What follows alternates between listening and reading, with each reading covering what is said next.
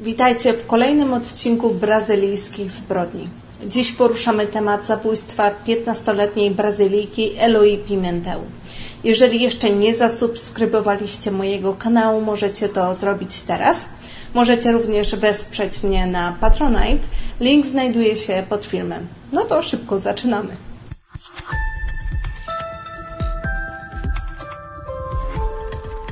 Eloa Pimentel urodziła się 5 maja 1993 w Maceió. Była córką Everaldo Pereira dos Santos oraz Anny Krystyny Pimentel, która w tamtym okresie pracowała w żłobku. Miała ona młodszego brata o imieniu Douglas.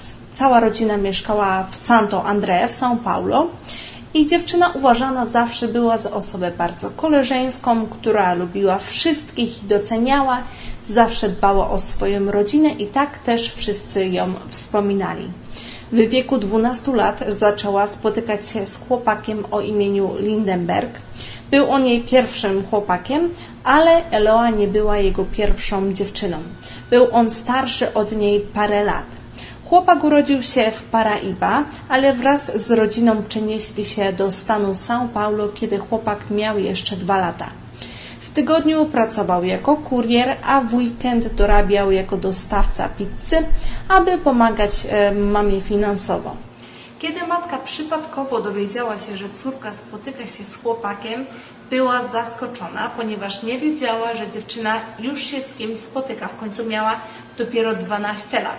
Rodzice więc zdecydowali się zaprosić Lindenberga do ich domu, żeby poznać go bliżej, porozmawiać, żeby dowiedzieć się, kim jest i ostatecznie nałożyli dużo reguł na ten związek, ale Lindenberg wcale się temu nie sprzeciwiał i zaakceptował wszystko, ponieważ zależało mu na tej relacji. Po jakimś czasie rodzice bardzo polubili chłopaka. Mieszkania pary były ogólnie bardzo blisko położone, ponieważ z jednego bloku można było zobaczyć drugi i e, młodzi czasie swojego związku rozstawali się i wracali do siebie wielokrotnie. Prawdą było, że to Lindenberg zawsze kończył związek, ale chciał wracać do dziewczyny do momentu, aż Eloa zdecydowała, że było to już zbyt dużo dla niej i definitywnie zakończyła ten związek tym czasie też powiedziała swojej mamie, że Lindenberg stał się bardzo agresywny względem niej. I kiedy tylko związek się zakończył, Lindenberg zaczął podążać za dziewczyną. Każdego dnia pojawiał się przed jej szkołą na swoim motorze, przychodził pod jej dom, prosił o rozmowę. I 3 października 2008 roku, kiedy Eloa miała 15 lat, a Lindenberg 22, Minęło już trochę czasu, odkąd para się rozstała. Tego dnia też matka wspomniała, że miała złe przeczucia i poprosiła brata Eloa, żeby nie otwierał drzwi Lindenbergowi, jeżeli ten prosiłby o rozmowę z Eloa. Dziewczyna poszła rano na zajęcia, a jej brat Douglas został wtedy w domu. Lindenberg tego dnia właśnie zadzwonił do domu dziewczyny, ale przez długi czas Nikt mu nie otwierał drzwi. Dopiero po jakimś czasie drzwi otworzył Douglas. Lindenberg powiedział, że chciałby porozmawiać z chłopakiem, z Douglasem i pomimo prośby matki ostatecznie syn zgadza się i zaprasza Lindenberga do siebie. Chłopcy rozmawiali przez jakiś czas, ale w pewnym momencie Douglas mówi, że za niedługo ze szkoły wróci jego siostra, dlatego też byłoby lepiej, żeby po prostu wybrali się w inne miejsce, żeby siostra nie spotkała e, Lindenberga. Oboje opuszczają mieszkanie, wsiadają na motor i wybierają się do piekarni, a później Douglas prosi Lindenberga, aby ten odwiózł go do domu, bo ma coś do załatwienia. I Lindenberg odpala motor, ale zamiast zabrać go do domu, zatrzymuje się przed zbiornikiem i mówi, że musi porozmawiać chwilę ze znajomym, ale zaraz do niego wróci. Lindenberg udaje się do jednego z bloków, a Douglas czeka na niego około 30 minut. Ale po tym czasie chłopak zorientował się, że najprawdopodobniej Lindenberg szybko nie wróci, więc uznał, że szybciej będzie, jeżeli wybierze się sam w drogę powrotną na nogach. I tak też zrobił. Zajęło mu to około 40 minut. Dotarł do domu i zapukał do drzwi, ale nikt wtedy nie otworzył. Drzwi również były zamknięte. Uznał, że jeszcze nikt nie wrócił do domu, więc usiadł na schodach i zdecydował, że poczeka aż siostra dotrze do domu wraz z kluczami, żeby ten mógł wejść do środka. I tak też czekał do godziny szóstej po południu, kiedy jego ojciec wrócił z pracy i zdziwiony zapytał, dlaczego chłopak siedzi na schodach. No więc Douglas tłumaczy, że siostra pewnie poszła do pracy, a on nie ma kluczy i drzwi były zamknięte. No więc ojciec próbuje otworzyć drzwi własnymi kluczami, ale nagle ze środka mieszkania dobiega głośny krzyk Lindenberga, który zawiadamia, że znajduje się on w środku mieszkania wraz z Eloa i jej przyjaciółmi. Ostrzega, że jest uzbrojony i że nikt nie może wejść do mieszkania pod żadnym pozorem. Ojciec oczywiście bez zastanowienia dzwoni od razu na policję. Na klatce schodowej pojawia się coraz więcej sąsiadów. Wszyscy byli przerażeni całą tą sytuacją. Nikt w ogóle nie wiedział, co dzieje się w środku. Nikt nie wiedział też, do czego zdolny jest chłopak i też wszyscy czekali na klatce schodowej paręnaście minut, a po tym czasie pojawił się pierwszy policjant, który zaczął rozmawiać z Lindenbergiem przez drzwi. Mężczyzna ten starał się go przekonać, aby wypuścił zakładników, ale jedyne do czego to doprowadziło to do oddania strzałów przez młodego chłopaka w stronę drzwi. Po tym zajściu policjant zawiadamia, że potrzebuje wsparcia. Cała sytuacja staje się coraz bardziej poważna. Przyjeżdżają kolejne kordony policji i w tym momencie była to już mniej więcej siódma godzina przetrzymywania zakładników. W środku znajdowało się dwóch chłopaków i dwie dziewczyny. Cała czwórka znała się ze szkoły i znaleźli się tam, ponieważ tworzyli projekt na zajęcia. Była to przyjaciółka Najara i dwóch chłopaków. Lindenberg wypuszcza parę chłopaków jeszcze pierwszego dnia, ale nie pozwala jednak wyjść dziewczynom. Po opuszczeniu mieszkania chłopcy mówią, że robili wszystko, czego wymagał Lindenberg. Nie sprzeciwiali się mu wcale, dlatego że rzeczywiście chłopak był e, wyposażony w broń. W środku mieszkania porywacz miał ze sobą swój telefon, przez który kontaktował się z policją. Podczas jednej z takich rozmów powiedział, że chce porozmawiać z matką jego byłej dziewczyny. No więc policja przekazała telefon matce, a Lindenberg powiedział, że jeżeli jej córka nie chce być z nim, nie będzie z nikim innym i nie wyjdzie z tego żywa. I w tym momencie również rozpoczęły się pytania względem policji, dlaczego po tym zajściu nie wchodzą oni do mieszkania, dlaczego nie próbują przejąć ofiar, przecież mija już drugi dzień. Padają takie słowa, a oni nadal podejmują pacyfistyczne działania. Policja wtedy odpowiedziała, że chcieli, aby ich działania nie doprowadziły do skrzywdzenia żadnej z osób, włącznie z Lindenbergiem że chcieli wygrać tą sprawę poprzez zmęczenie chłopaka, na przykład wyłączając światło, odcinając dostęp do żywności i wody, tak żeby po jakimś czasie zrezygnował on i poddał się z wycieńczenia.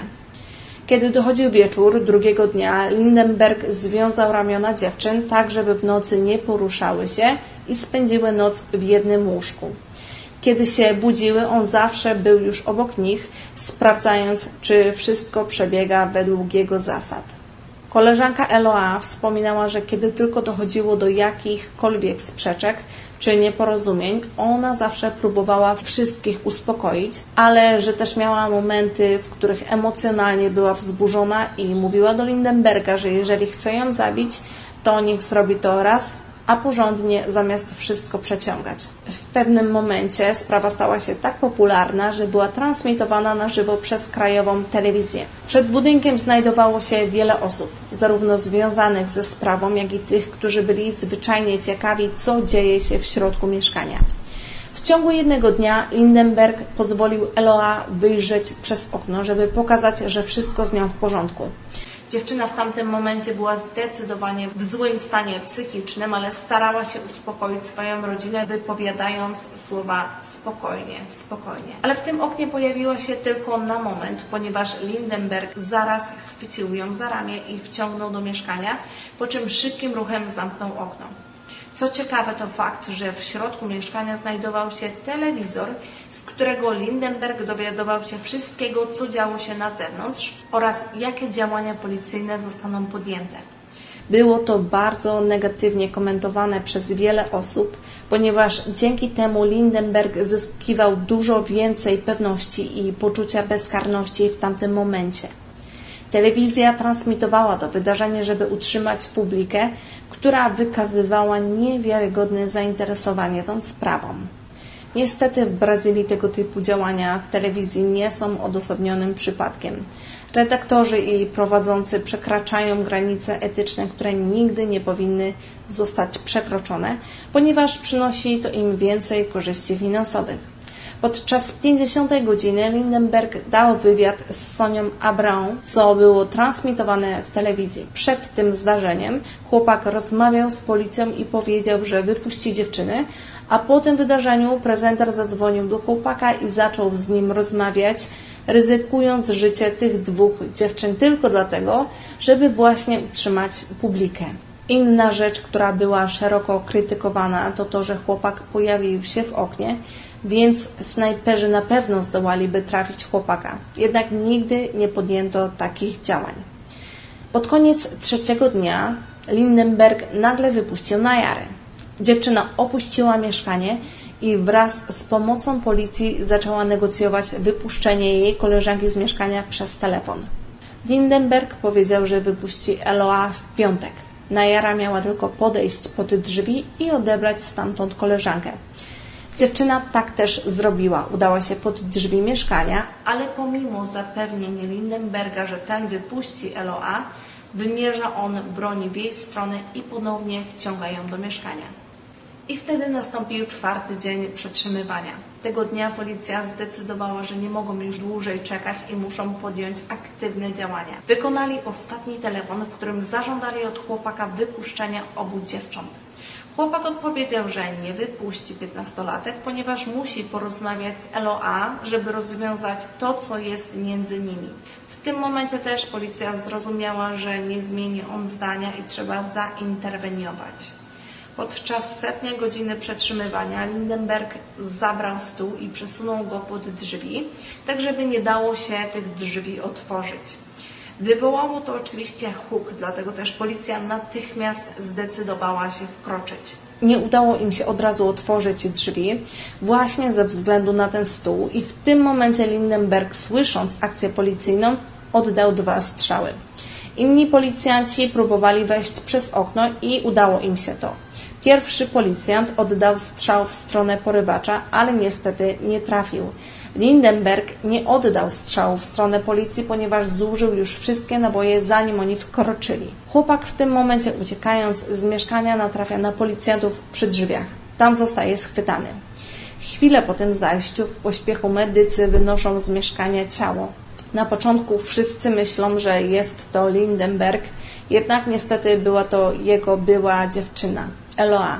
Do szpitala trafia najpierw Najara, która jest w stanie stabilnym, a paręnaście minut później do szpitala dociera w stanie krytycznym Eloa. Dziewczyna otrzymała strzał w głowę, więc bezpośrednio zostaje przetransportowana na blok operacyjny. Niedługo po tym zapada w śpiączkę, jej mózg przestaje funkcjonować i następnego dnia dziewczyna umiera. Od początku przetrzymywania celem Lindenberga było zabójstwo jego byłej dziewczyny. Cała akcja była przez niego zaplanowana. Najara później opowiedziała, że kiedy Lindenberg wchodził do mieszkania, był w szoku, że jego była dziewczyna nie jest sama. Wspomniała również, że Eloa obiecała chłopakowi, że wróci do niego po to, żeby je wypuścił i żeby jakoś rozwiązać całą tą sytuację, ale on wtedy odpowiedział, że nie chce już z nią być, chce tylko zostać w tych ostatnich chwilach jej życia. W 2012 roku Lindenberg został skazany na 98 lat i 10 miesięcy pozbawienia wolności za zabójstwo i inne zarzuty, które związane były z tą sprawą. Obecnie Najara jest zdrowa i próbuje wrócić do normalności. Do dziś krytykuje się działania policji w tej sprawie. Matka LOA utrzymuje, że ta tragedia miała miejsce ze względu na nieodpowiednie działania policji. I na dziś to wszystko. Dziękuję Wam bardzo za wspólnie spędzony czas. Cieszę się, że miałam się okazję z Wami spotkać jak co tydzień. Trzymajcie się cieplutko. Zachęcam Was do subskrypcji i do zobaczenia. Beijos!